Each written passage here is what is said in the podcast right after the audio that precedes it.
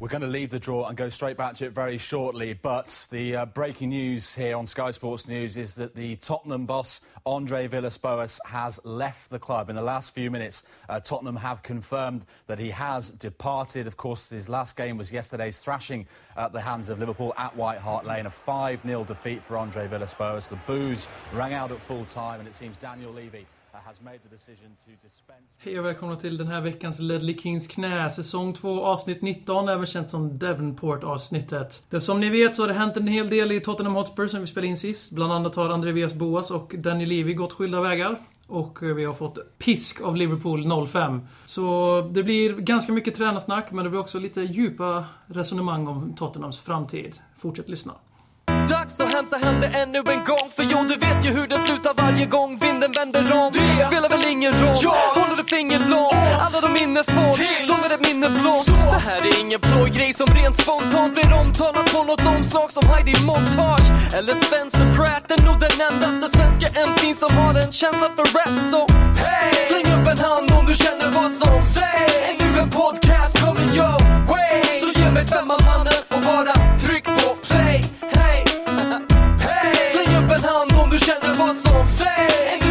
Är podcast coming your way. Så ge mig femman mannen och bara tryck på play Hey.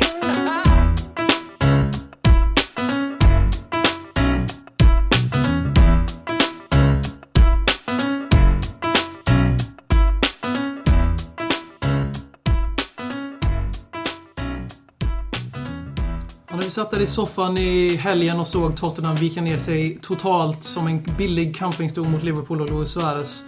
Så var det en Marcus Håkman som sa att eh, det här kan vara sista gången vi ser AVB i Spurs. Det var ingen som sa emot. Men sen kom kvällen och det var tyst runt Tottenham-lägret och sen så vaknade alla upp runt lunch dagen efter och André Boas alltså och Tottenham Hotspur var inte ett längre. Spontana reaktioner? Den spontana reaktionen är att just det, det är så här det känns att hålla på Tottenham. Jag hade glömt bort det. Livi har avverkat, eller avverkat, han har haft, vi har haft tio tränare under Danny Livi. Another one bites the dust. Och det säger en hel del när Rednap också har varit det i fyra år. Eh, och nu efter 18 månader med samma manager så kommer man på det. Just det, det är så här det känns, det är så här det är. Mm. Ja, jag var inne lite på samma sak. Det, det, den största känslan där var att Wow, för det var så, just så länge sedan som vi var ett lag. Det var ju sist när Rednap kom in där som vi sparkade en tränare mitt under brinnande säsong. Efter det så, Redna fick ju sorter, sorterades ju ut efter en säsong. Och det var en väldigt nyttig påminnelse för mig och kanske förmodligen hela klubben i sig att vi har fortfarande Danny Levy i toppen.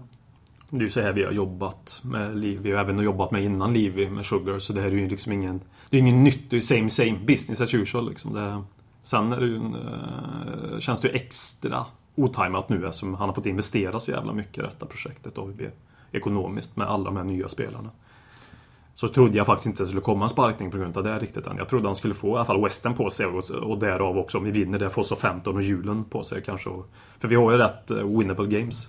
Vi har mm. så 15, vi har WeBay, vi har Stoke närmsta tiden. Så. Kanske till och med att han hade fått säsongen ut för det blev en ny utvärdering och såg vad som hade hänt. Det var väl lite, man kände, man har ju förstått, jag har varit inne på det tidigare i den här säsongen av podden, att den här hösten och vintern har påmint, väldigt, framförallt vintern kan vi väl säga, har påmint väldigt mycket om den sista våren här i Redknapp hade i Spurs. Att det har varit sån giftig atmosfär runt klubben.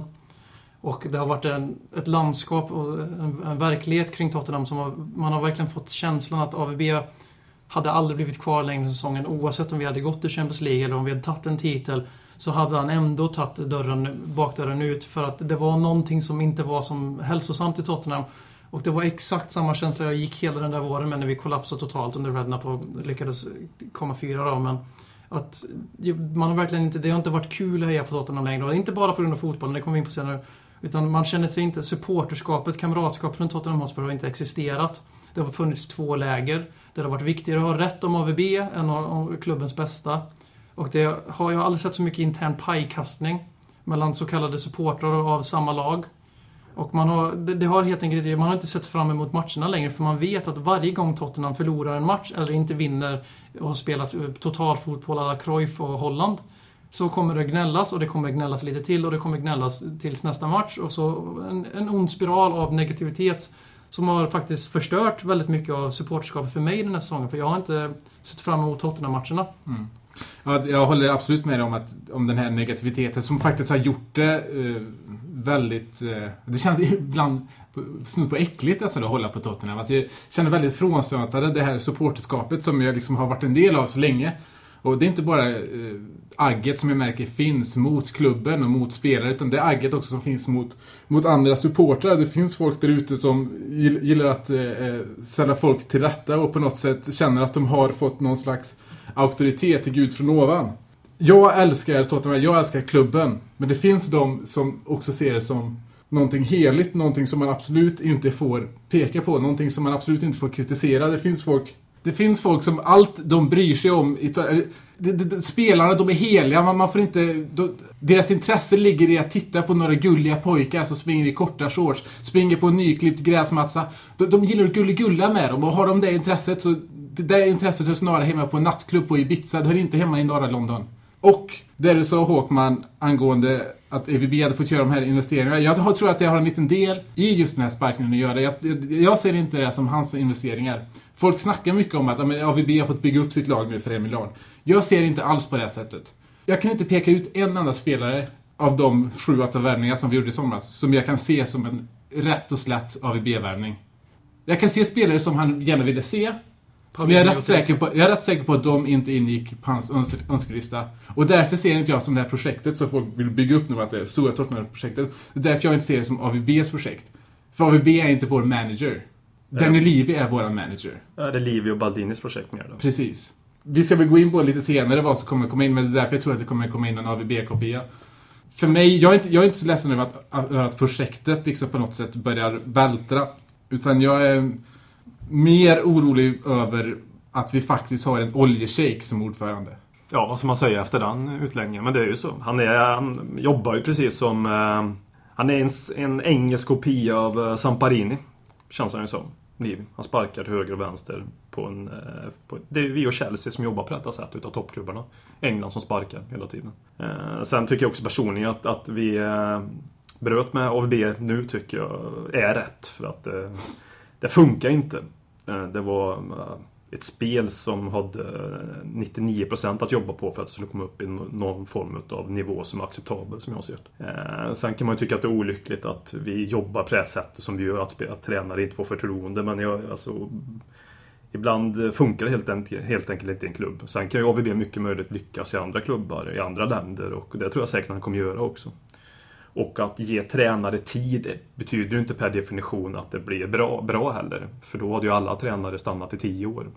Avskedet är ändå jag positiv till. Ja, alltså jag, jag hade inte... Som du var inne på också, eh, BM, att det, det, det kändes ganska klart ganska länge att det här var AVBs sista säsong med oss. Och eh, det var en känsla som har infunnit sig eh, sen i somras på något sätt, men det, det, har, det har känts så. Då, grejen med de här två männen som det har eh, skurit sig emellan, AVB och Livi. De är i princip samma skrotsektion. Jag sitter här och kritiserar eh, Livi för att han är en eh, envis gubbe. Och AVB är ju gjort av exakt samma skrotsektion. AVB är lika, precis lika eh, envis. Och vi är ändå, alltså folk säger att vi skulle inte ha sparkat honom för vi är si och så många poäng från Champions League bara. Ja men det är också en anledning till att varför vi kanske ska sparka honom. Han är så, så envis. Han använder till exempel Townsend som en politisk spelare, liksom politisk symbol snarare än att liksom använda honom på, på, av, på rätt grunder. Mm. Livet visste att det kommer kanske inte vända det här. För att han är så envis. Och gör det, ta därför det beslutet när vi fortfarande har häng på de här platserna som är vårt mål att uppnå. Om man ska gå in, om man ska blicka tillbaka till när vi anställde AVB förra sommaren så var jag väldigt positiv och jag är fortsatt positiv till AVB och hans karriär. Men som vi alla är väldigt överens om så jag tror att det här avskedet kom det, hade kommit förr eller senare. AVB var en deadman walking i Spurs. Han och Levy drog inte jämnt. De är den där magneten, drar åt varsitt håll. Samma människa. Människor som är exakt likadana, de är oftast väldigt sällan lyckliga partners i ett förhållande. Om man tänker från början, alltså det Förra säsongen så fick eh, AVB ärva ett lag som hade blivit av med sin absolut överlägset viktigaste spelare i Luka Modric. Som AVB givetvis vill ha kvar, för han, han får man ju hoppas, annars har han ingen fotbollskompetens. Han vill ju ha honom i Chelsea också, ja. Modric. Så, men, eh, så där, redan där började det med olika ambitioner. Och, sätt, och jag, jag säger inte nu att AVB ska få Livy att tvinga Gareth Bale och Luka Modric att stanna kvar mot sin vilja i Tottenham Hotspur. För vill man inte representera klubben, då kan man dra åt helvete. Och så enkelt är det bara. Men det är redan där så fick vi se, och det har liksom första riktigt om en splittring mellan Live och AVB kom en månad efter Luka Modric blev såld när vi inte fick Juan Moutinho för 500 000 pund mer. För Porto ville ha 500 000 pund mer än vad Daniel Levy tänkte sig betala. Och det är ju rent sagt patetiskt. Och ett fruktansvärt misstag för det är precis den spelartypen vi fortfarande gråter över idag.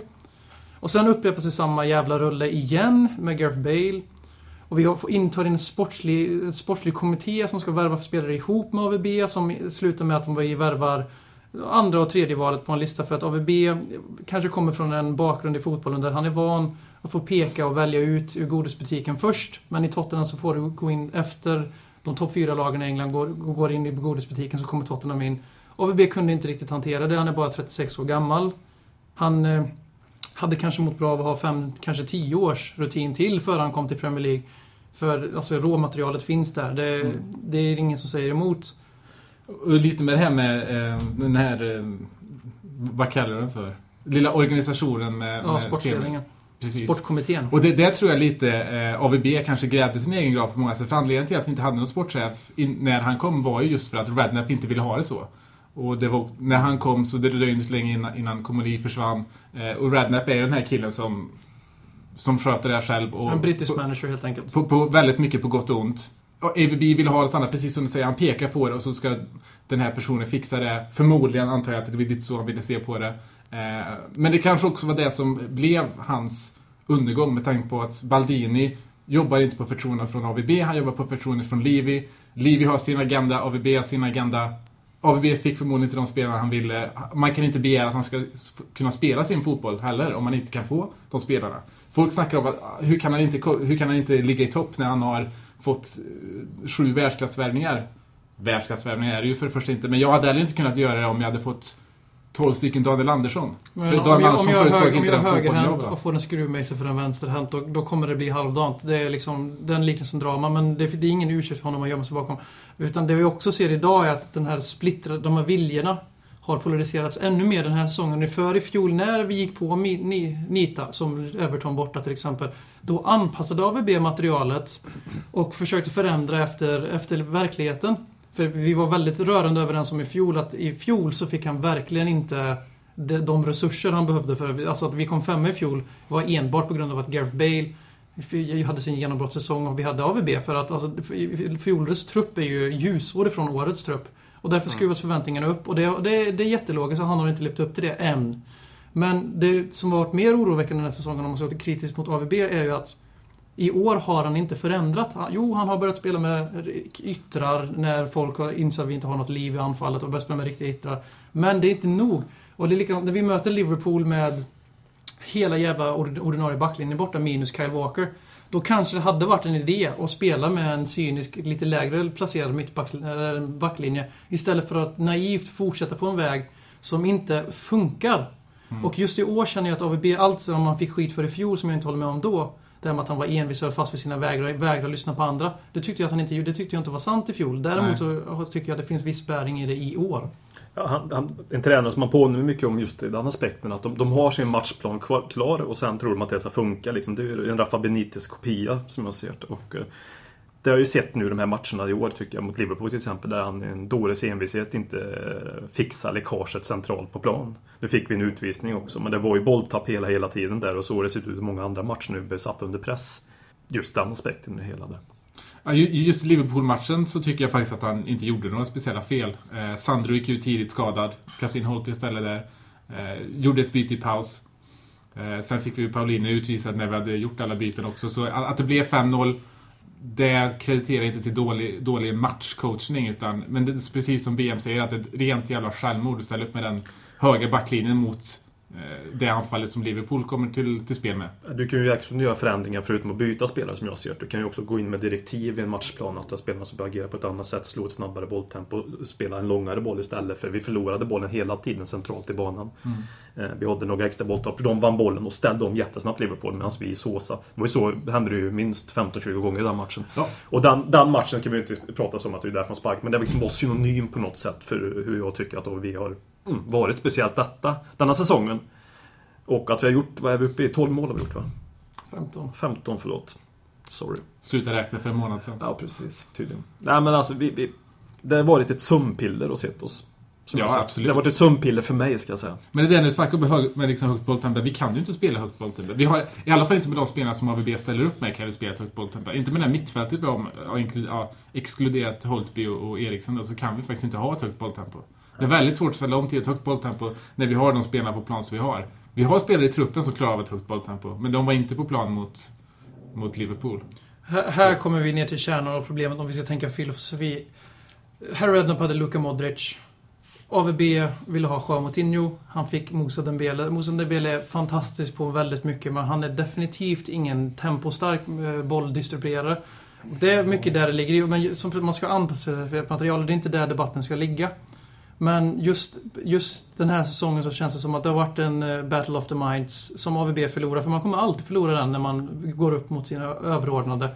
Och jag tror väldigt mycket på det här surret i media som kom ut nu att AVB och Levi de var nog ganska rörande överens om att det var dags att gå skilda vägar. För jag tror inte AVB ville vara kvar. Jag tror att han ångrar att han tackade nej till PSG i sommar efter att Livi gav honom möjligheten att prata med klubben. Vilket är i sig en ganska tydlig markering från Livi att det är okej okay för mig om du går. Så... Vi pratade tidigare om här att det inte var um, AVBs värvningar. Det kan ju också vara en sån sak att redan där och då någonstans hade Livi bestämt sig för att och det ser man ju med tanke på att Tim Över, Sherwood var med i den ledningen. Ja, precis. Så. Över 12 månader så kommer han inte vara kvar i klubben om man, om man inte gör något väldigt unikt. Utan redan då värvade spelare som de tyckte var rätt istället för att det var spelare som, som, eh, liv, eh, som eh, AVB tyckte var rätt. Det slog mig först nu. Att, ja, alltså man godkände ett prat mellan PSG och AVB. Mm. Ja, jag tror absolut att han... Att, att uh, Livi kände också väldigt snabbt att det här är inte mannen som jag vill bygga det här projektet kring. Uh, AVB fick nog jobbet på grund av att han gjorde en jävligt bra intervju helt enkelt. Och, ja, mm. och sen så föll det sig väl så under förra säsongen men också i somras, jag menar eh, AVB kände nog det också när Livi valde att inte uppgradera AVBs kontrakt i somras när AVB faktiskt var så lojal och valde att stanna i klubben trots att PSG kom Trots sina... löften om att Gareth Bale skulle stanna också som eh, Livi svek. Mm, får man det budet kan jag ändå acceptera att vi säljer Bale, om man ska riktigt till. Jo, jo, det var inte det, var inte det jag ville lyfta fram utan mm. att AVB fick luften som inte hölls och ändå valde att mm. inte gå.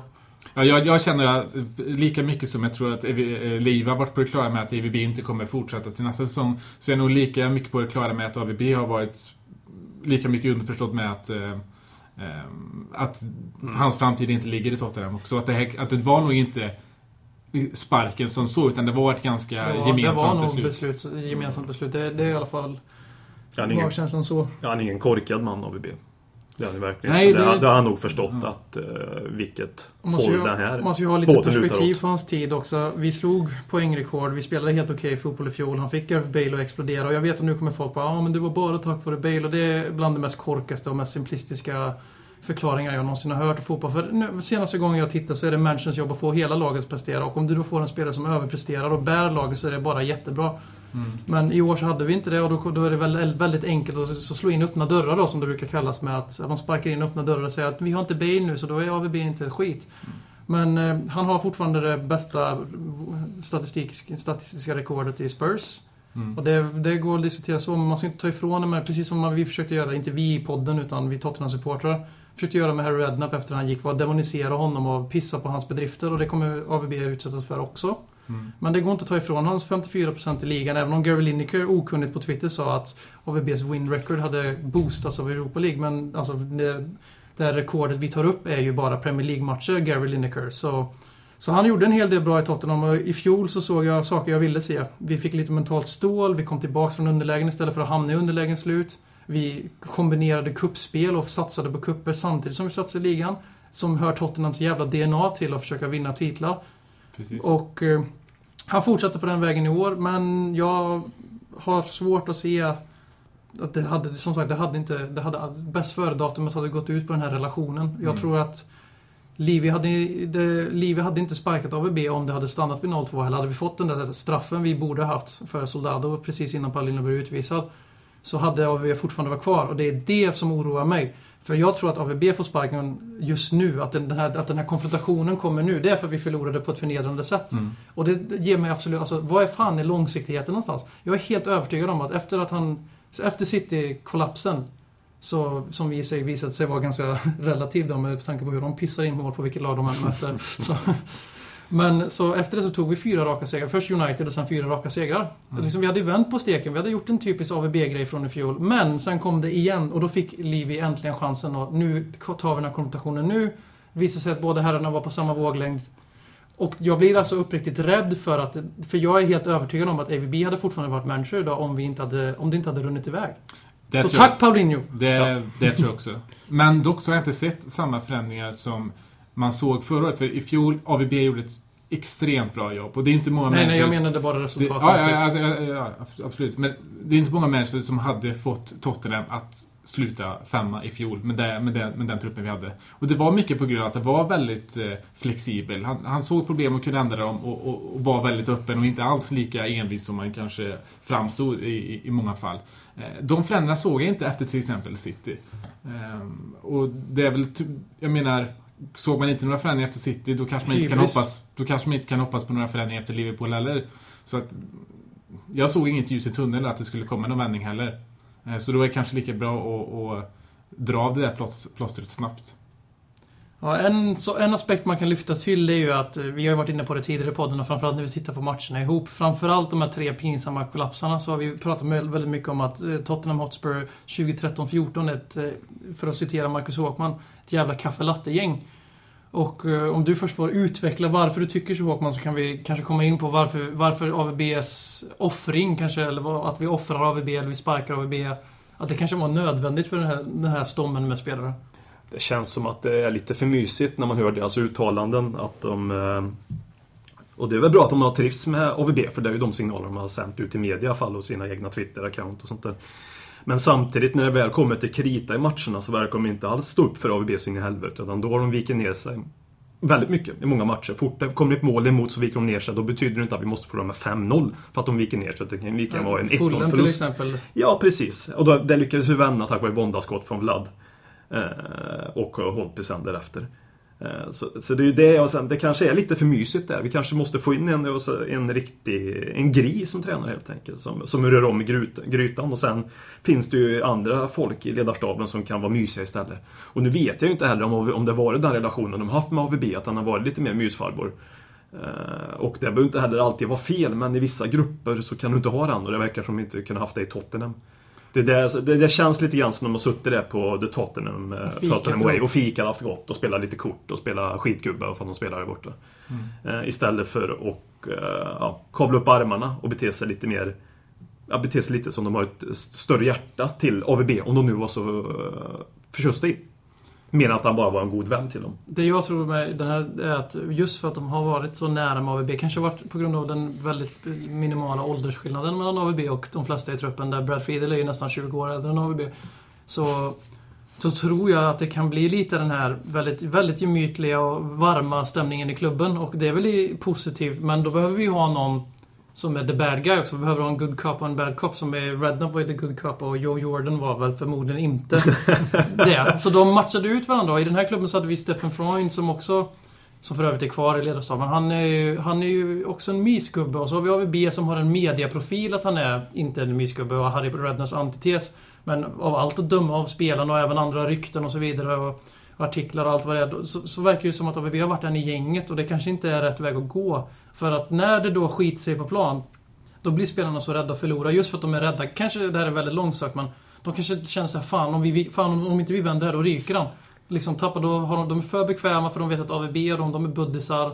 Och sen bundisar och sen om om det går åt helvete så blir de av med den här säkerheten och då kanske de blir, går i baklås lite. Och det säger inte jag som att för förlåtande effekt eller någonting utan det är någonting jag bara tror att det kan ha varit så. Att de, det har låst sig för dem för att de har brytt sig lite för mycket om AVB än för klubbens bästa. Mm. Nej, jag, jag tror absolut att det kan vara så att du, du kan inte få ut av en manager de där sista procenten om samma manager sitter och tar en bärs med dagen innan. Liksom. Det kan vara så enkelt. Ja, men vi såg ju på bilden i somras när de var på den här lyxresan i Bahamas. Mm, just. Ja, då satt ju han, alltså, det är ju, då satt ju de och umgicks ihop. Alltså, det hade Harry Redknapp aldrig gjort. För att det, den här skillnaden mellan spelare och manager, auktoriteten, måste finnas där. Mm. Ja, det är just framför allt. auktoriteten. Precis. Precis, alltså framförallt när vi har en manager som är så mycket yngre än de flesta är, så måste du ha ett, en automatisk auktoritet. Och förmodligen har han, på grund av att han försökte införa det så hårt i Chelsea och där han blev utfasad av eh, det, deras rörelse i det omklädningsrummet så försökte han väl göra motsatsen i Tottenham och då blev det lite för mysigt, lite för gulligull och för, för mycket... Alltså det var ingen som var beredd att blöda för Tottenham för de hade det så trevligt oavsett. Det, det tror jag också är viktigt. Att han, eh, för det som ryktet gick i Chelsea, att det var som du sa, Det var att det tvärtom. var tvärtom ja. Precis, att han eh, nästan åt andra hållet att han ville visa en tydlig barriär för att åldersskillnad. Och sen, ju- och sen att han hade varit i klubben som någon form av waterboy Mm. innan också. Eh, Och därför han kanske nu, som du sa, eh, vände andra kinden till och försökte skapa en fin relation. Och det är ju en jättefin eh, väg att gå också eventuellt, att man ska ha en bra relation med spelarna. Om en assisterande Men- manager. Ja, men jag kan då tycka, visst kan man liksom, att spelarna ska känna sig som trygga i tränaren och de ska känna att man kan komma till tränaren om man har problem, även problem som inte rör fotbollen. Det, det eh, skulle jag vilja, men också att visa tydligt att det är jag som är tränaren och att kanske inte sitta där på, på, i båten och eh, ta eh, fina myskort till Facebook liksom, utan eh, ja.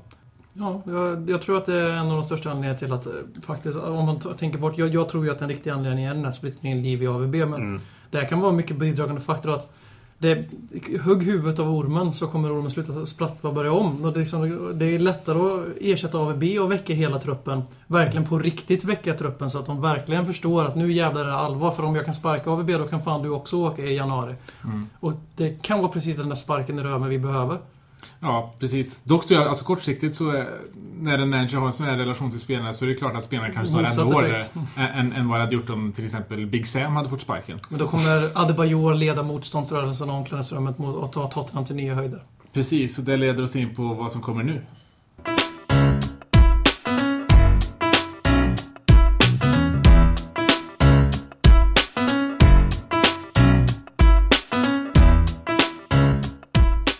Ja, det leder ju oss in på den nya ledartrojkan som vi består av tre gamla Tottenham-grabbar i själen, mer eller mindre. Det är Tim Sherwood och vi har, inte Team Sherwood, utan Tim.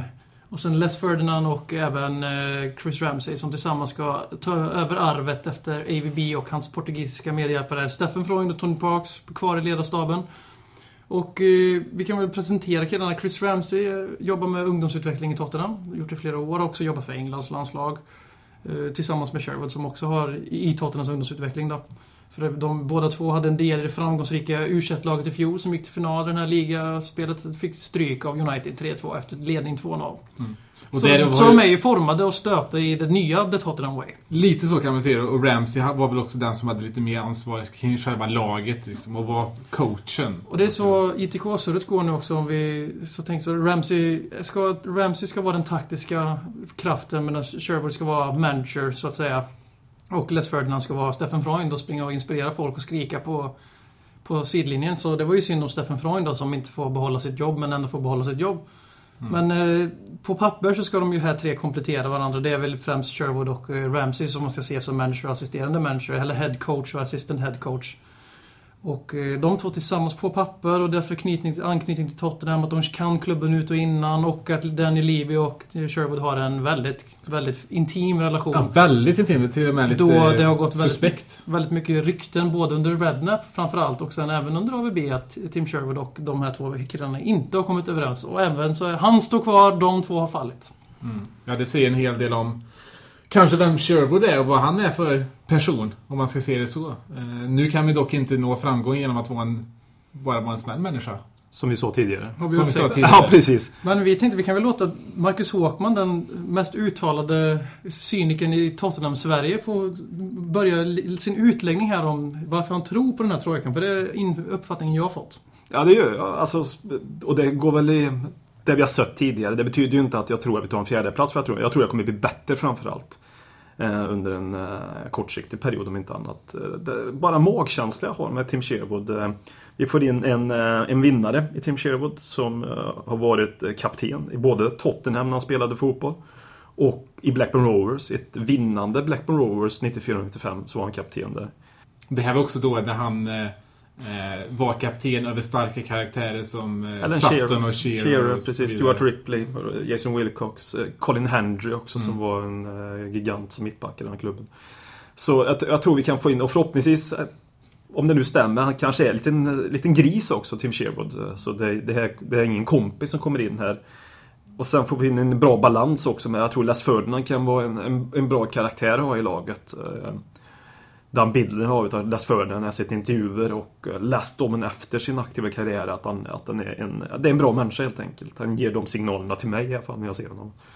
Eh, Ramsey vet jag inte så värst mycket om förutom det jag har läst på mig nu sista Men, Dygnet. Han, det man kan säga är att han utför ju alltså coachlegitimering av andra coacher. Ja. Alltså, kunskapen finns där. Alltså, vi får ju en ledare. Bevisad det- ledare. En coach och Precis. en inspiratör. Så det är alltså på papper ser ju Och så har de ju den här Tottenham-anknytningen. Och förhoppningsvis så räcker väl den där, just den här anknytningen till klubben från tidigare. Det kanske räcker för att ena de bortskämda Tottenham-supporterna som redan nu tyvärr på sociala medier i alla fall har splittrats i två läger. Men förhoppningsvis så tar vi en seger mot West Ham i ligacupen.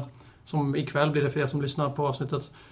Så kanske det kan få lite vind under projektet igen. Alltså, framförallt inte projektet, skit i det jävla projektet. Men det kanske lite arbetsro.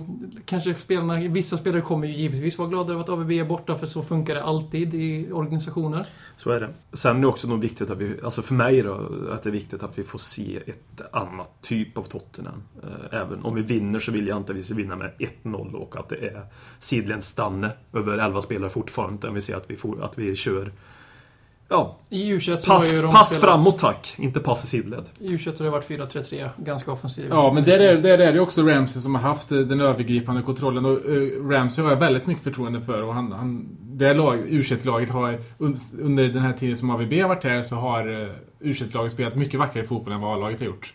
Eh, Chris Ramsey har jag jättemycket förtroende för. Les Ferdinand har också väldigt mycket förtroende för. Dock har ju han varit ansvarig för tränandet av, av anfallarna i klubben, så det är kanske ett lite underbetyg till honom på så sätt. Eh, men, men jag gillar någon, någon som person, så jag gillar två tredjedelar utan den här eh, Team Sherwood stab som nu kommer in. Den jag inte gillar, det är Tim Sherwood. Jag har inte mycket över till honom. Tyvärr så kommer jag väl sålla mig till den här eh, lilla polariseringen av managers eh, i Tottenham.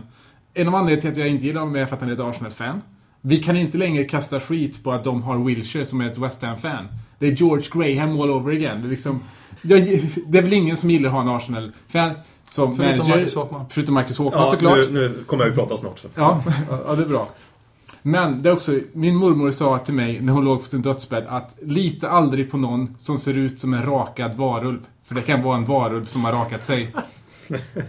Han ser exakt ut som en rakad varulv. Jag, jag litar inte på den här människan. Jag gör inte. Det är bara det är en personlighetsgrej. Och sen, ja visst, han, om man nu har de här förbannade jävla anknytningarna till det här fittlaget så um, är det ju inte bra naturligtvis. Men, Men han, han, alltså, om han, han har det. Han Ja, säger han har det. Han är, hans pappa han är jättestort Arsenal-fan. Ja, ja, ja, men det är jättehemskt naturligtvis och det fattar jag. Nu får alltså Marcus att vi- Håkman känna på hur det är att vara den som är bakom en manager för första Ja, men jag, är inte, jag, jag är inte bakom, jag är aldrig bakom någon. Jag är sidleds med honom. Jag, Sidleds Håkman. Ja, sidleds Håkman. Jag, jag är försiktigt optimistisk. I alla fall, men jag tänkte på den här jämförelsen med George Graham, den, det kan du inte göra. Jo, För det för är jag- exakt vad jag gör. Ja, men du har ju inte rätt om man säger så då. För George Graham var ju verkligen en extrem... eh, Han hade ju extrem koppling till Arsenal. Eh, Han hade ju tagit dem till eh, Ja, x, x, antal, x antal troféer. Och var Mr Arsenal. Tim Sherwood är inte Mr Arsenal på något sätt. Det må vara så att han heja, hejat på dem. eh, Men eh, ja, det är ju inte någon Mr Arsenal. George Graham var ju ett, jävla- är ju ett jävla svin. Tim Sherwood hade jag förlåtit om han på något sätt... Alltså det är klart, jag förstår att jag inte kan, bara kan döma någon för att han var Arsenal-supporter som barn. Det är bara att det klingar lite falskt i Det mina får öron. ju också det från början. Ja, men hur, hur många gånger har jag pratat Nej, om nej, jag vill bara... Ja. Men så, jag, många ser dem som en Tottenham-profil och säger han är inte alls en Tottenham-profil. Absolut inte i mina ögon. Nej, han, han, han gjorde några år Men det som, som jag, alltid, jag protesterar ju alltid mot när folk kallar Gus Poirier för en Tottenham-profil. Mm. Det, det, du har samma läggning här när det gäller Sherwood helt enkelt. Ja, det, det, jag, har, jag, har, jag har inga, ingen relation med Tim Sherwood. Men att, att jag tror och... Tror Nu säger inte jag att jag måste ha en personlig relation med Madge. Jag menar, jag omfamnar ändå AVB när jag kommer. Det är inte direkt som att han var en Spurs-profil. Tvärtom, snarare. Eh, Men det är grej. Och sen är det också att jag tror, om Tim Sherwood får, alltså jag har inget, inget problem med att han skulle vara någon slags interim manager. Det är det om han får ett övergripande ansvar under lång tid. Att han får det här kontraktet som man kan få om det går bra. Det är då jag ser oss ta ett steg tillbaks. För det här är en kille som, som hyllar engelska fotbollsspelare mer än någon annan. Han, han liksom, han, när Arsenal gick dåligt så sa han ja, men det är för att de inte har tillräckligt med engelska spelare. Eh, sa samma sak om Benitez när Liverpool gick ut för det här är inte en manager som jag litar på. Det om, Vi har inte samma syn på fotboll. Han... Och det känns också som att om han skulle få det övergripande taktiska ansvaret, därför hoppas jag att Ramsey får det. För om Sherwood får det, då snackar vi helengelsk och då snackar vi 4-4-2. Förmodligen. Nu vet inte jag. Det jag säger, redan där, mina reservationer mot den här trojkan är, så det var Per inne på det, att om det nu är så att Ramsey ska ha det tekniska ansvaret, då ska han också vara manager. Så, så enkelt är det. Du kan inte ha någon som fixar allt riktiga, alltså taktiken, och sen har du någon som väljer startelva. Det är liksom, kom igen, det här är inte dagis. Utan det ska vara, då ska det i sådana fall vara Ramsey som är över Det vet vi inte hur det kommer att se ut. Det, vi har ingen aning än. Men om det är så, då, då ska ju Sherwood gå, hoppa tillbaka och U21 direkt. För att alltså, kom ja, igen nu. En annan reservation jag har är ju det här surret om att han har knivhuggit både Rednap och AVB i ryggen. Och då blir det lite så att man, jag tycker inte man ska belöna sånt beteende. Det är som jag har jättesvårt för att om en människa får sparken och den assisterande stannar kvar, som Freud nu. Det är, det är väldigt konstiga signaler. Ledare, ledarna ska vara beredda att gå in i väggen med varandra. Man ska, man ska falla ihop och man ska resa sig ihop. Och det är lite när jag känner att om det nu är sant, det är ingen aning. Jag har inte pratat med Danny Levy om det här med Sherwood. Men om det är sant att det är en gunstling och att han har underminerat AVB och han har underminerat Terry Redknapp, då tycker jag inte han har på managerposten att göra, för då borde han ha rykt redan. Att det är en Livy-favorit, det är väl... Det, det, vet, det, det, det, vet vi, det vet vi. Han har ju pratat väldigt väl om Tim Sherwood och... Men det, det, kan, verk, och det kan behövas också för Tottenham. Ja, och ville inte släppa Tim Sherwood, för Blackburn ville ju ha Tim Sherwood um, när de sparkade Steven Keen. Och han tackade nej till det uppdraget. Och sen har vi det här med att stå bakom sin tränare. Jag tänkte på Stefan Freund. Alltså han var ju inte anställd av AVB heller. Och sen är det tydligt att han, han blev en spricka mellan dem kan jag anta eftersom han har flyttat tre platser åt vänster. Han satt ju inte bredvid, han satt inte bredvid AVB längre utan satt läng, långt bort som möjligt. Och då, då, tycker jag inte att han har någon skyldighet att, att följa med AVB i den här äh, båten som han sitter i nu. Annars står jag din poäng där alltså att, att de ska försöka, det, det ska vara ett enat team. Men tyvärr har det nog inte varit ett enat team. Nej, det var, det var kritik riktad mot Livi, inte Freud. Ah, okay. Vill bara att det, Livi, ska, Livi får inte anställa på det sättet och underminera sin manager. Och det verkar ju som att han inte har gjort det nu, för nu har han egentligen fått Arvingen på tronen och då får vi väl hoppas att Arvingen visar sig värdig eh, kronan.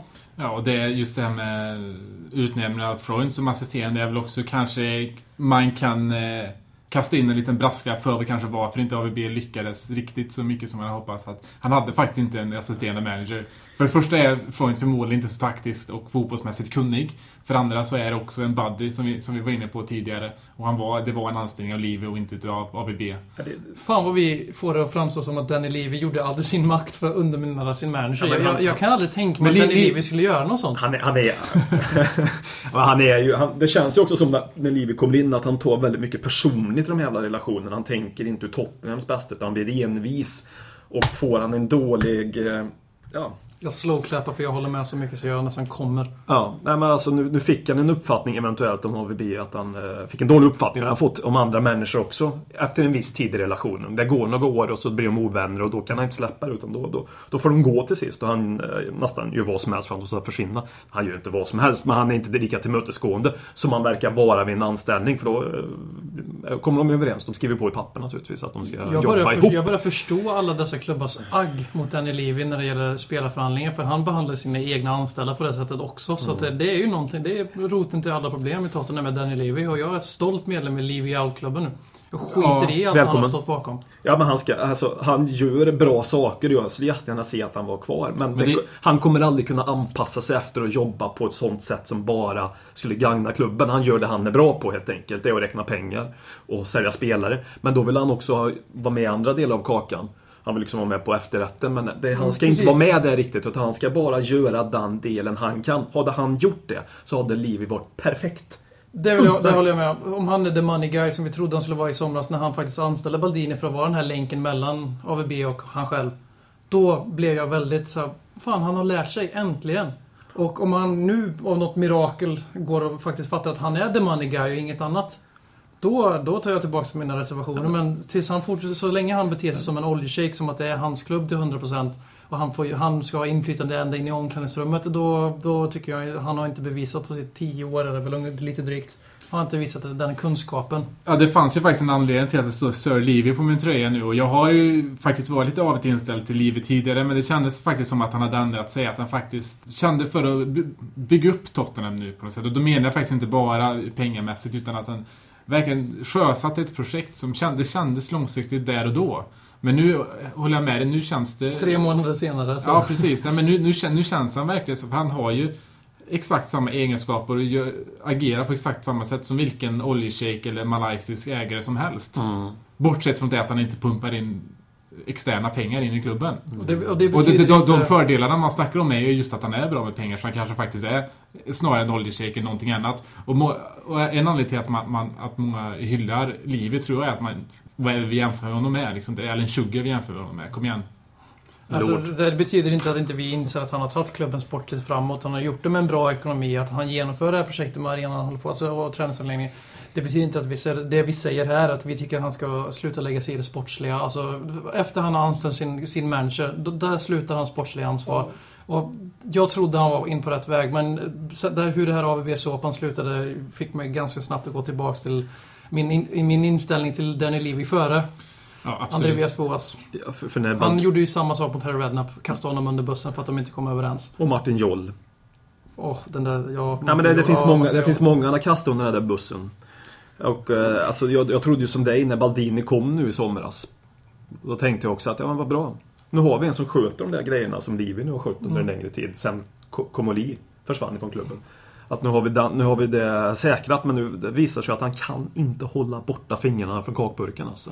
Han vill gärna vara där och äta och få i sig sin näring. Och det leder oss väl lite in på att eh, Danny Levy har ju låtit eh, Gunslingen ta över de här matcherna. Alltså det blir väl West Ham i ligacupen och sen Southampton i helgen. Men sen, det, det surras ju fortfarande om väldigt mycket nya andra tränare utifrån till klubben och det är ganska uttalat att det här är bara tillfälligt och sen får vi väl hoppas att om det går bra så fattar Danny Levy att inte han ska röra om i grytan en gång till. Ja, för alla hoppas väl i en, en, en sagovärld. Till och med eh, Pelle här hoppas väl att vi går 20 raka segrar och får, Ja, men det- och får ha kvar den. Det fattar Ja, precis, det- Lika väl som jag hade hoppats trots att jag hade en negativ inställning till eller, via Spoas att vi... Jag hade jättegärna haft fel och vi hade vunnit 20 raka. Och har fått svalt stolthet sak något annat. Det, är inte det det handlar om. Alltså. Jag, jag tror också sportsligt, i alla fall kortsiktigt, så tror jag att Sherwood och, och hans team kommer ha bra eh, Brukar på- bli- på brukar bli påverkan. så när på, man- Ja, jag tror inte bara det är en, en, en, en, eh, en Sherwoods-effekt som så, att det bara, bara att man byter tränare. Utan jag tror också att det är av taktiska skäl att man, det kanske passar den här spelartruppen vi har lite mer. Chansa lite mer. Precis, och sen så kanske det är också så att i och med att eh, Sherwood faktiskt är liv till en gullegris och som vi sa tidigare, det är snarare Livi som är manager än någon annan i klubben. Då är det kanske ändå bra att det är en gullegris som är på den positionen. De har ju uppenbarligen en ganska bra långlivad relation med mått mätt. Så det, Ja, extremt lång. Men den, det, bli inte förvånad ifall den ryker heller. Alltså det, det, jag skulle inte bli förvånad för nu, om nu Chevod kanske, den kanske har funkat för att Chevod inte haft så mycket makt. Ja, nu, nu kommer Chevod kanske ha mer åsikter. Och då kanske Livi också tycker att, jaha, vad är det Det- här det är nu? Säger han emot mig? Liksom. Det är, det är fortfarande Daniel Levy vi pratar om. Men det är ju det, han kommer ju inte ändra sig. Men vad ska vi tro? Ska vi tro att... För som sagt, det har snackats om Fabio Capello, det har snackats om Murat Yakin som faktiskt har sagt att han har varit i kontakt med Tottenham. Jacken kan säga det är Basels tränare. Ja, och eh, det snackas Glenn Hoddle har själv proklamerat att han vill komma tillbaks till Tottenham. Ja, Glenn Hoddle kan åka ut i en båt långt, långt bort från den här klubben. Då kommer du, du kommer återföras, alltså du kommer återföras på, på fel sätt nu för du har haft ett dåligt tidigare liv när du dör nu. Det är enligt Glenn Hoddles ideologi att alla som föds handikappade har ju varit eh, syndat i sina tidigare Ja, liv. det är mycket på grund av den ideologin som jag ogillar honom. Mycket på grund av vad han gjorde med den här klubben. Och kanske också vad han gjorde med Sherwood. Som gör att jag inte gillar honom så mycket. Det var en lite infekterad twist där. När, Men som sagt, Du gillar ju Sherwood. Men Ja, precis. Men som sagt, tror vi att Danny Levy kommer att eh, sänka förväntningarna och låta det här nya hemvävda gardet få chansen? Jag, alltså, jag är väldigt skeptisk. Alltså, det kommer ta... Fan om inte vi vinner 3-0 mot West Ham och 2-0 Southampton eller gör en kanon bortamatch och bara lyckas ta kryss kanske. Så kommer han att titta på namn och han kommer att presentera antitesen till vad Tottenham Hotspur är. För jag menar, om han tar människan in Fabio Capello. Alla ni som har suttit och gnällt på AVB varenda dag i, i, i ett och ett halvt år. Alltså ni är in för something else. Alltså, den här människan, Fabio Capello, spelar så urtypiskt tråkig vägvinnande fotboll i och för sig. Människan fick sparken av Real Madrid fast han vann ligan. För första gången på flera år också efter Barcelona-dominans. De gjorde 66 ligamål den säsongen. De har aldrig gjort mindre än 83 sedan dess. Killen är så fruktansvärt tråkig och destruktiv. Och alltså det... Det är väl också det som talar mycket för att det är just Capello som kommer ersätta dem. För Livi är en businessman i grund och botten och för- honom så handlar det om kortsiktig eh, utdelning. Det, det, Livi, det är därför för Livi är en, en CL-plats mycket viktigare än att vi skulle ta ligacupen eller FA-cupen. För det är där cashen finns. Cash is king helt enkelt. Cash is- Andra king. namn som vi har... Jag vill bara säga alltså, just det med, med Capello. Att Baldino har ju anställt denna herre tidigare. När han var sportchef. Eh, Roma bland annat. Då när Capello vann eh, Serie A. Mm. De, var, Scudetto de, med Roma 2001. de var ihop i engelska landslaget. i Real Madrid Exakt, så de har ju en relation. Men jag tror ändå inte, jag, jag personligen tror inte alltså att Det är han kommer alls till ett VM-år och de är med i Ryssland har VM. erbjudit förlängning, surrades de för några månader sedan. Ja, och jag, jag tror ändå inte att det är en väg. Jag tror att vi kommer gå en väg, en, välja en ung, ung tränare eh, och inte en som är 67 år nu. Nej, precis. Och jag tror också som jag sa eh, tidigare att det här, är inte ett, det här var inte ett AVB-projekt utan det är ett Liv i Baldini-projekt. Och då kommer man också förmodligen att, att fortsätta på den utstakade vägen och, och snarare anställa en som, som Håkman bruk- brukar referera till som iPad-tränare. Eh, En lite yngre, profilstark, sexig tränare som passar in på, på, på det projektet som vi bygger nu. Eh, Det har snackats mycket om en viss holländare, Frank de Boer, Ajax. Ajax är ju en systerförening, får får vi väl kalla dem ändå. Det är, det, är det officiellt snack eller bara supportrar? För jag, jag personligen det- har bara sett det är supportrar. supportrar, men det, Det, det är så på det, är rykten i tidningar också. Okej. och vi, och, eh, det kommer från, från holländska eh, rapporter också om att vi faktiskt har lyft på luren och kollat lite grann. Nu tror inte jag absolut att, att De Boer kommer lämna. Eh, men, men det är en intressant tanke. Han har Men vi vill inte ha en interimtränare förutom de vi redan har nu. Jag vill inte ha någon som kommer in och bara ska ta säsongen ut. Då är det bättre att fort låta de här ha säsongen ut. För att, ta någon som är bara säsongen ut är att kasta säsongen i sjön ändå. Om inte vi tar Precis. in någon jävla mirakelgubbe. Precis. Typ Hiddink. Ja, har precis. gjort det, mirakel det förut. Det är Eh. undantaget som interimmanager för mig. Mm. Ja, nu är inte Benitez ledig så det är väl Nej. för... Nej. Och, alltså skulle han komma då går jag ut och skjuter mig själv. Men det kommer inte det hända liksom. Nej, men jag, jag, jag, jag tror att det kommer bli en permanent manager ganska snart. Som jag sa, kommer passa in väldigt mycket på det här projektet och, och förmodligen vara lite av en AVB-kopia. Jag, jag, jag vill ju Jag vill inte ha kopian, jag vill ha originalet om vi ska ha någon som AVB. Då ska vi fan ha någon annan typ av tränare om vi ska byta bort Ja, AVB. nu vill jag växla upp. Nu vill jag få en tränare som go for it lite grann. För att gå över Faktiskt, till hellre åt, USAs språk. Rednap, hellre åt Rednap-hållet än att försöka ersätta originalet med en blek Mm. kopia. Och sen vill jag ha en tränare... Det är inte kritik mot Per. Nej, men Allt alltså, är en kritik mot Per. Nej, men när jag säger kopia, då menar inte jag en autistisk Nej, tränare. Nej, nej, nej. Nej, men sen vill jag vill ha en rutinerad tränare också. Jag vill ha någon som har varit med, gjort ett misslyckat, lyckats, har gjort de här grejerna. Ändå för Sherwood som har sitt första... Ja, men jag, vill, jag, jag ser inte Sherwood som en permanent lösning. Absolut inte. Det, det, det hoppas Om jag man inte bevisar motsatsen givetvis. Men för det är det i alla Absolut. fall en permanent utlösning. Ja, i alla fall imorgon när vi har uh, 5-0 mot West Ham. Men ska vi spela för gallerierna? Alla väljer varsitt namn. Ett namn och så avrundar vi den här långa diskussionen. Bielsa. Bielsa säger det- jag får, alltså, min optimala man är ju Klinsmann för att han är lite av en rednap. Men ändå passar in på den här sexiga profilen. Jag tycker inte man ska ta gamla profiler. Det är väldigt sällan det lyckats. Med profiler, då menar inte jag... Alltså Tottenham-profiler menar Ja, jag. men jag menar inte Tottenham-profil, utan jag menar profilstark, sexig, iPad. Fuck iPad. Ja. Men sen så, eh, det bor, jag menar han har, han har gjort det bra i en förening som är väldigt lik vår. Han, han är van, vet det kommer, stjärnor kommer och går i klubben, bygger upp laget på nytt varje år. Spelar den typen av fotboll vi vill se. Dock har inte han gjort någonting som inte Martin Joll gjorde precis innan honom. Hans första jobb också. Precis. Hans första jobb med en klubb som är större än en, en medelstor allsvensk klubb. Eftersom de andra, jag, vet, jag har faktiskt ingen koll om han har tränat andra holländska lag, men holländska ligan är inte särskilt bra. Nej, alltså man det är därför man... jag inte vill ha Jakin från Basel heller, för där är det ännu sämre konkurrens och absolut ingen erfarenhet som är värd att komma in och axla Tottenham. Mm. Folk tyckte AVB var orutinerad, då är de här två killarna... Jag vet, jag vet, vet inte om jag vill se eh, det bor, men vill jag se någon så vill jag se profilen. Klopp mer. Men precis, det bor, det är liksom, han, pass, han passar den sexiga profilen och får jag välja någon så, så väljer jag väl Klint, Klinsmann så jag också får min permanenta ut, utlösning. Nanne Då, då, har vi verkligen, då har vi verkligen ett buddy-gäng i ledarstaben. Ja, Klinsmann skulle jag också säga ja till, vill jag bara säga. Så. Och då har vi Bielsa, Klinsmann och Nanne Bergstrand. Talkman show, Talkman show, Talkman, Talkman, Talkman show.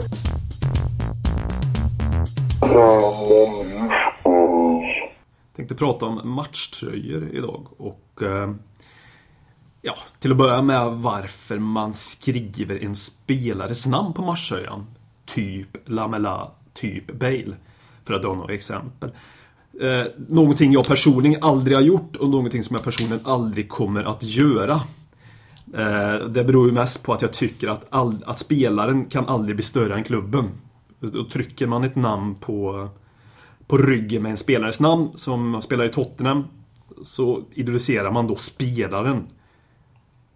Kanske lite mer än man borde göra. För det är ändå Tottenham man håller på. Och det tror jag ju att naturligtvis alla sätter Tottenham i i första rum. Men sätter man också ett namn på spelaren på ryggen så mm, sätter man också den spelaren väldigt mycket i ett rum som man inte borde vara i. Inte det första rummet. Tack. Håkman out. Nej, här, här är ju Marcus Håkman ute att cyk- och cyklar helt och hållet. Jag kan inte stå bakom den här åsikten. Nej men seriöst. Eh, jag kan förstå varför man köper spelare. Jag kan däremot inte förstå om man köper bara en ny spelare varje år och inte har någon typ av tanke bakom det. För jag personligen, jag har tre... Vänta nu. nu. Jag har fyra matchtröjor för Tottenham. Fyra i rad och jag har Leddy King på den tröjan han spelar sin sista säsong i, vilket jag är väldigt glad över. För att den kommer jag titta tillbaks på om 30 år och vara väldigt glad. Och den är en storlek för stor också, jag kommer kunna ha den om 30 år. Så den, den tröjan är jag väldigt lycklig över att jag har i min samling. Sen har jag Michael Dawson från Champions League-året. Och eh, det var ju mest en kul grej med Philip Forsell, en av mina polare som växte upp och tillsammans med Heja på Tottenham. Han köpte King. Jag fick nöja mig med Dawson. Mittbacksparet, det var Champions League-året. Det är också en kul samlingsgrej. Sen köpte jag då Gareth Bale. Det året han lämnade Tottenham efter sin explosion. Eller han lämnade ju faktiskt året efter men. Hans genombrottströja och den var jag ju jättestolt över att ha då. Men nu ligger den i slittröjefacket hemma hos mig där jag bland annat har en Palermo-tröja för jag tycker om matchtröja. Jag samlar på matchtröjor. En Rangers-tröja också, hockey. Så nu ligger Gareth Bale i mina idrottströjor och Lelle King gånger två och Michael Dawson häng, häng, hänger på väggen. Vad har du för namn på New York Rangers? Lundqvist. Mm. Eftersom jag inte hade något val för det var den enda de sålde. Jag hade inte Jag, haft något namn faktiskt. jag gillar också matchtröjor. Jag har, eh, Palermo har jag ingen på ryggen till exempel. jag har eh, några Sunderland-tröjor faktiskt. Eh, Men jag... eh, Jag samlade på alla matcher när jag var yngre. Mm, ja, det gjorde- som, det- var alla snygga. Sen, sen blev jag laglojal. Och jag har egentligen aldrig haft namn på tröjor. Eh, Jag har, haft, jag har många, väldigt många Tottenham-tröjor och första gången... Jag kände för två år sedan så kände jag att jag ville ha ett namn på tröjan. Jag visste inte vad jag skulle göra. Så eh, då tog jag bara mitt eget namn och det blev jag såklart hatad för i den här podden och jag kommer inte göra det igen. Han kommer Eh, ta mitt namn nästan. Jag ville bara ha något. Sen inför den här säsongen så ville jag på något sätt rikta ett finger till alla som faktiskt har namn på tröjor. Så jag tänkte jag skulle ta något roligt. Så jag tog Sir Levy. Och nu ångrar jag mig. så jag kommer gå tillbaka. Men du tänkte ta AVB också. Det var jag en kant där. ja. Jag tänkte ta AVB 433. Just det. Eh, Ja. Det du. Men eh, så nu kommer jag gå tillbaka till så som jag gjorde förut. Jag kommer inte ha namn igen. Alltså- Samma, jag, alltså jag, som sagt, jag har en väldigt selektiv process. Man måste uppfylla kriterier. Och jag, jag tänker, inte, tänker inte vika mig någonstans. Leddy King är ett namn som det är nästan ett må- måste ha. För det är den sista, sista One Club Player vi kommer ha medan vi är fortfarande en stor klubb. Det känns Alltså, inte fresh. Nej, det, det, jag, kan, jag kan köpa det. Men han, jag har han på två tröjor. Jag kanske fortsätter ha han på varje tröja, vad vet jag. Men eh, det finns en spelare i dagens trupp och då menar jag en spelare som jag skulle eventuellt kunna tänka mig att köpa på en tröja. Och det är Louis Holtby. Han är den enda spelaren som visar hjärta på planen. Han stod på dig. knä och var helt förstörd efter 5 mot Liverpool. Såg ut som en riktig martyr. Var, han sprang och sparkade ner Liverpoolare till höger och vänster för han kände att hans egen pe- personliga och klubbens stolthet förnedrades. Enda spelaren i dagens trupp som är värd att ha på ryggen. Och det är min åsikt och ni behöver inte hålla med. Förutom Mm. Håkman, för han är kontraktuellt uh, obligated att göra. Jag måste hålla med. Ja, men han agerar helt enkelt jättebrittiskt, Louis Holtby, kan man säga. Som en ledare. Och brittisk. Tysk ledare. Nej. Nej men eh, köp matchtröjor i fortsättningen, det tycker jag absolut att folk ska göra. Men eh, ja, tänk på vad ni skriver där bak helt enkelt. Talkman show, Talkman show, Talkman, Talkman, Talkman show.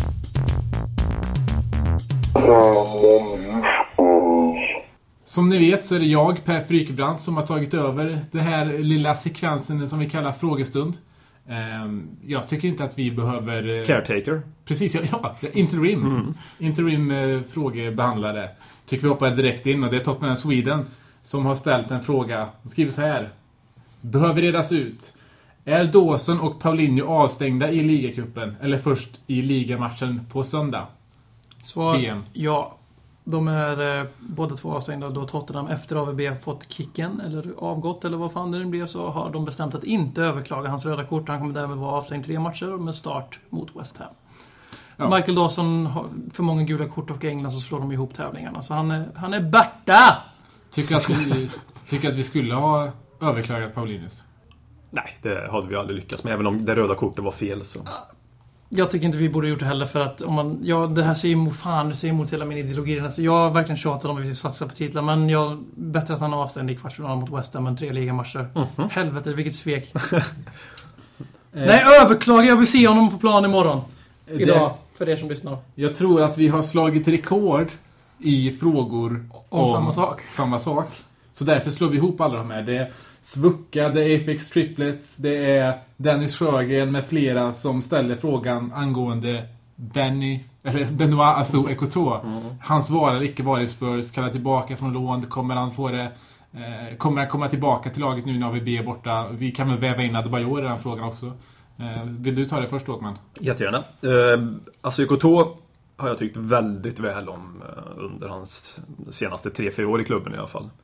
Eh, och när jag fick se den här jävla bilden som han la ut efter eh, Liverpool-matchen, även om, nu, även om nu bilden var tagen in, innan matchen, så tryckte han ju på sänd fem minuter efter matchen. Så nu vill jag inte ha tillbaka Benny. Kan du, kan du förklara den här tweeten lite mer för de som inte har sett den? Även om jag tror att de flesta har, Har sett inte alla sett den? Nej, Nej men han, han la ut en bild på sig själv och Adebayor inifrån ett VIP-rum inne på White Lane antar jag att det var. En uh, spellounge. Där de eh, håller upp eh, ett... Benny håller upp två fingrar och håller upp tre fingrar. Eller var det tvärtom? Ja. Och det var ju en symbolik för fem mål, trodde vissa.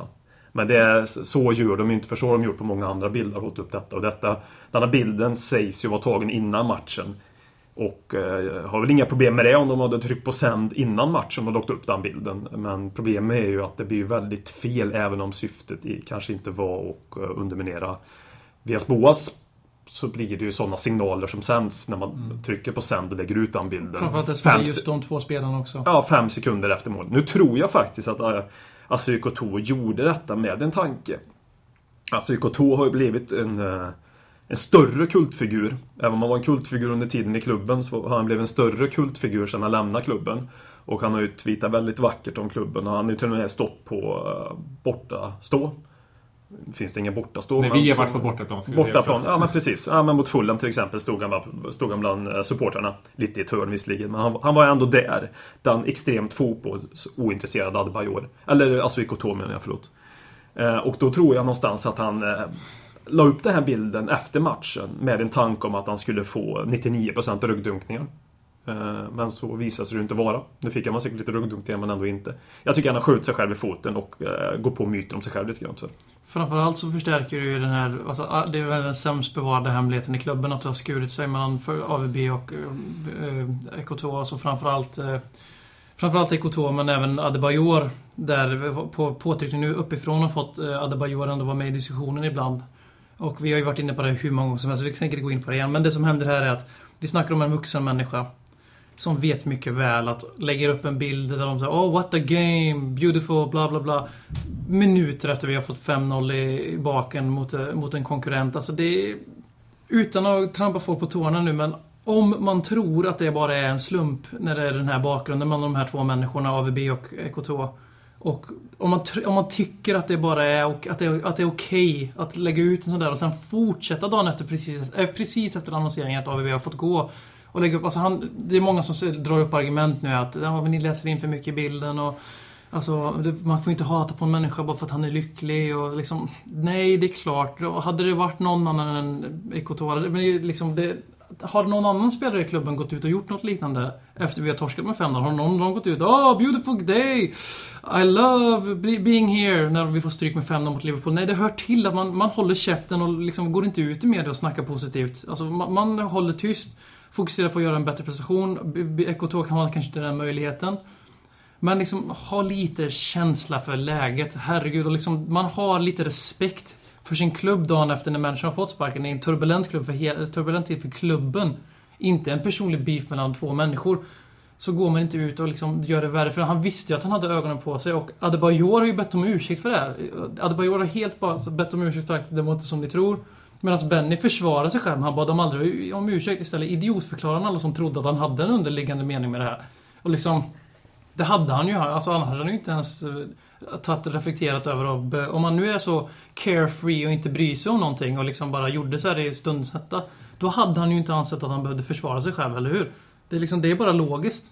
Han, det, det han hade när han tryckte sen på det här, det, det han hade en plan tror jag. Han hade en spelkänsla. Som han såg det där och då, men det visade sig han, han läste ett fel helt enkelt. Det blev inte den effekt som man kanske hade hoppats på och trodde framförallt. Han var väl så självsäker.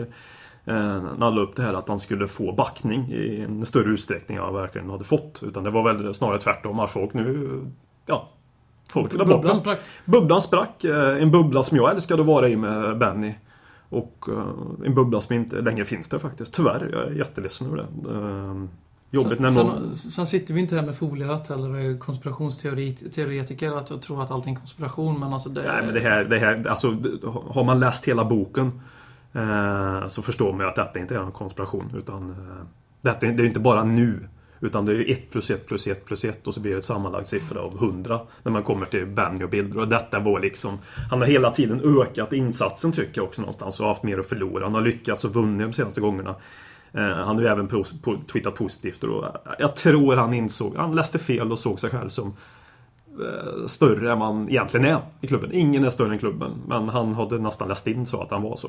Han har ju riktat sån här eh, lite syrlig kritik på Twitter med bilder till Liv också. Tidigare. Ja, Så liksom, men- det, är, det är ingen ny företeelse för honom. Direkt. Men att, att han kan Det lägga var lite... oprofessionellt helt enkelt. Alltså det var säkerligen inte så djup undermening som vi läser in i det. Det är både och helt enkelt. Men det var absolut inte helt omedvetet om verkligheten och det var oprofessionellt och inte värdigt en, en klubb som vi är faktiskt i en ganska skakig tid just nu.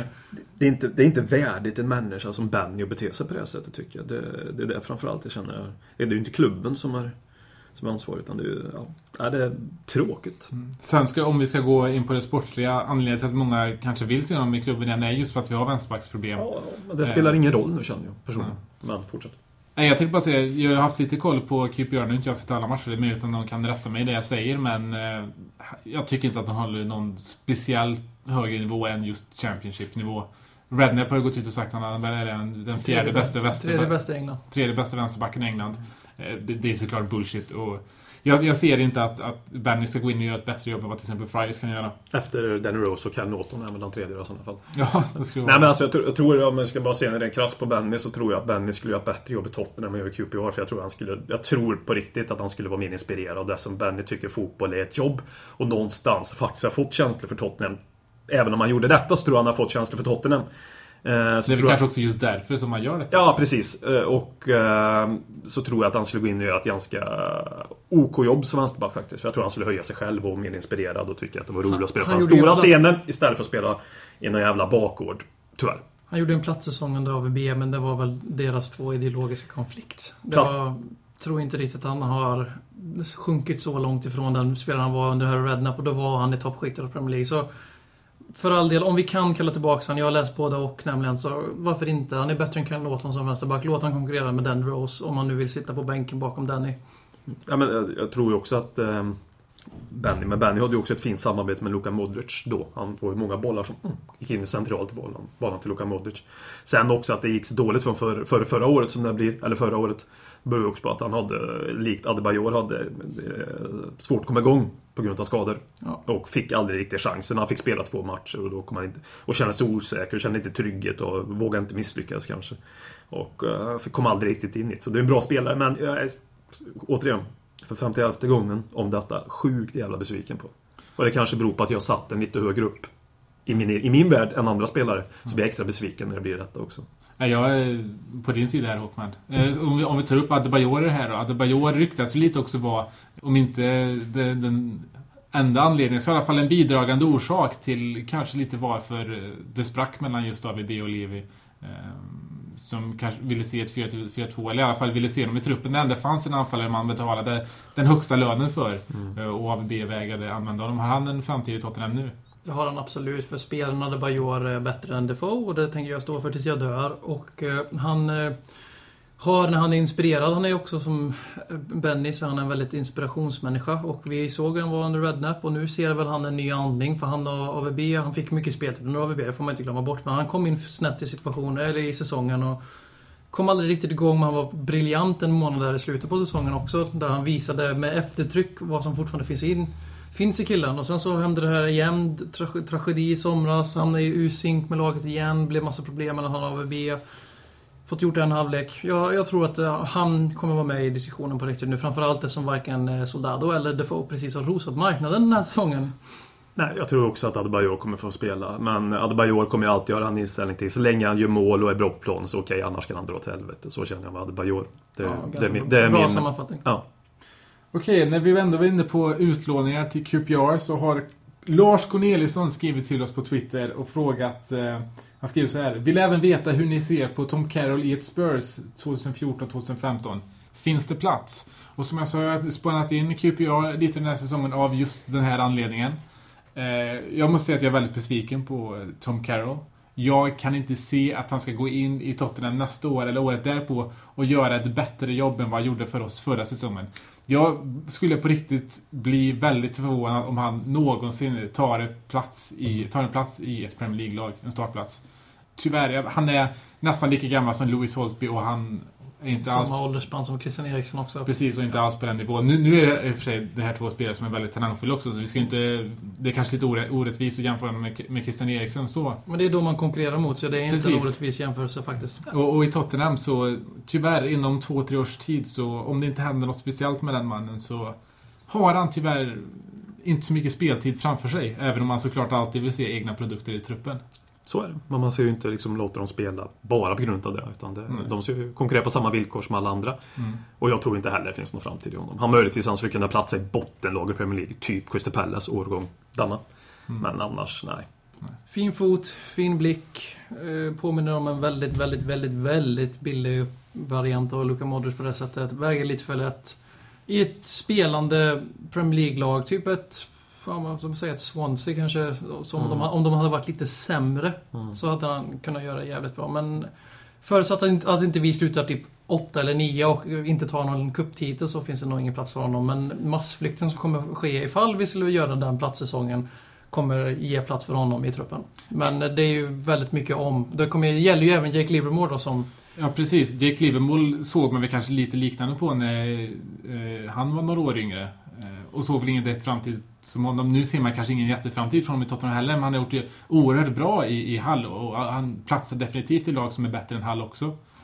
Eh, nu har han gått ut här det senaste och sagt att han gärna stannar i Hall permanent. Och det, det förstår man ju också. Man önskar honom verkligen all lycka till för han har ändå blommat ut till att bli en bättre spelare än vad jag trodde att han skulle bli. Han har överraskat även mig och det som jag gillar med Livermore till Tottenham, i alla fall, ifall inte jag missar någonting, det var att han... Det var ingen gnäll från den. Nej. Han fick stå på bänken. Han gjorde sitt Tottenham jobb. boy. Ja, men han gjorde sitt jobb, gick in och gjorde fem minuter, gick in och gjorde noll minuter. Eller gjorde inga minuter rättare sagt. Men nu har han verkligen fått tid. Och det är ju ofta så med vissa spelare, när de får tid och de får misslyckas, som får spela vecka ut och vecka in. Alltså de, de, de växer som spelare och han... Ja, att han är så bra som han är nu, det ska han vara nöjd med. Alltså, det är en väldigt fin karriär man kan få ett mittenlag i Premier League. Det är inte många Han som är ju får inte det. långt ifrån landslagsdiskussionen. Så, alltså det är inte Men helt det är ju det- orimligt att han skulle göra mer landskamper. Så det är en fin Ja. karriär. Och det är, Tom Carroll kan gå samma väg, absolut. Men inte hoppas i, att han går samma väg. Ja, absolut. Ja, gud, men ja. inte, i samma, inte i Tottenham om vi ska fortsätta vara, tävla på den nivån vi vill göra. För då, vi, vi, har inte, vi har tyvärr inte tid att ge dem den tiden de behöver. Nej, de måste... Alltså, då måste de vara bättre i ett utgångsskede. precis. är de bättre i ett utgångsskede, då kan vi ge den tiden. Men när de ligger där de ligger nu, då Som kan vi. Townsend. Jag hade redan skrivit av Townsend också för han fick den här våren i QPR och sen dess så har han ju faktiskt bevisat på mig. Jag har ju inte tyckt han varit så bra som han blir hyllad för. För det är ju enbart för han är ung och britt som han blir hyllad till de nivåer han har blivit. Men ända sedan han gick över till vänsterkanten framförallt för mig så har han visat att han har Premier League, han har en plats i Tottenham. Han konkurrerar och han tävlar i Tottenham och han gör det bra. Och det är liksom, där ser vi igen. Fick mycket speltid, fick misslyckas, kom tillbaks till Tottenham. och bevisa sig även här i Tottenham. Och det tycker jag, den chansen har liksom Carroll och Liverpool redan haft. Men Thompson hade ju aldrig den här chansen. Han spelade väldigt få minuter. Även om Harry Redknapp gärna försökte få det till att han hade spelat honom hela tiden i Tottenham också. Och framförallt i QPR, det var han som växte under Ja. hans vingar i Queens Park Rangers. Men... Men nu är det så att vi har haft några spelare som har behövt eh, flera lånesessioner. För- ett till exempel. Precis, Carker. Eh, och jag menar, det här är väl Carrolls första riktiga utlåning får man väl säga.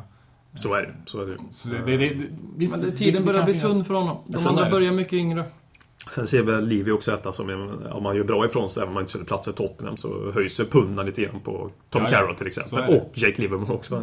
För nu tror jag nog Jake Livermore vill han nog nästan kunna se, en, tack vare att fotbollsvärlden är så jävla sjuk som han är pengamässigt, vill han nog faktiskt se 10 miljoner pund. Skulle jag kunna tänka mig. absolut. Det skulle inte förvåna mig, även om jag tycker inte alls vi ska kunna få ut det av en Jake Livermore, så, så tror jag att de... eh, att det är en siffra som finns i Livis skalle. Absolut. The British Premium. Och det är lite därför tror jag han lånar ut också naturligtvis. För att hoppas att de ska blomma ut göra en, eh, göra en sån succé som Kyle Walker faktiskt gjorde i QPR först i Championship och sen i Aston Villa och sen det Townsend gjorde i, Q, i Q, QPR. Ja, vi får väl se om det händer någonting med de här grabbarna. Det är ju faktiskt så att snart öppnar transferfönstret och nästa gång vi är tillbaka så är faktiskt transferfönstret redan öppnat. Vi kommer ta en liten paus nästa vecka. Det är trots allt julafton och juldagen då när de här avsnitten kommer ut. Men på nyårsdagen så är vi tillbaks igen. Och tills dess så, vem vet, vi kanske har en ny manager. Eller så har Tim Sherwood fått ett nytt kontrakt. Vi får en ny George Graham. Eller? George Graham eh, ska vi aldrig mer nämna den här podden. Okej. Det där var alltså sista gången ni hörde George Grahams namn i den här podden. Det finns mycket att se fram emot tills vi hörs igen. Men vi kommer höras igen. Ha det bra. God Hej. jul. Dags att hämta hem det ännu en gång. För jo, du vet ju hur det slutar varje gång vinden vänder om. Det spelar väl ingen roll, håller du finger långt. Alla de minne får, de är ett minne blått Det här är ingen blå grej som rent spontant blir omtalat på något omslag som Heidi Montage.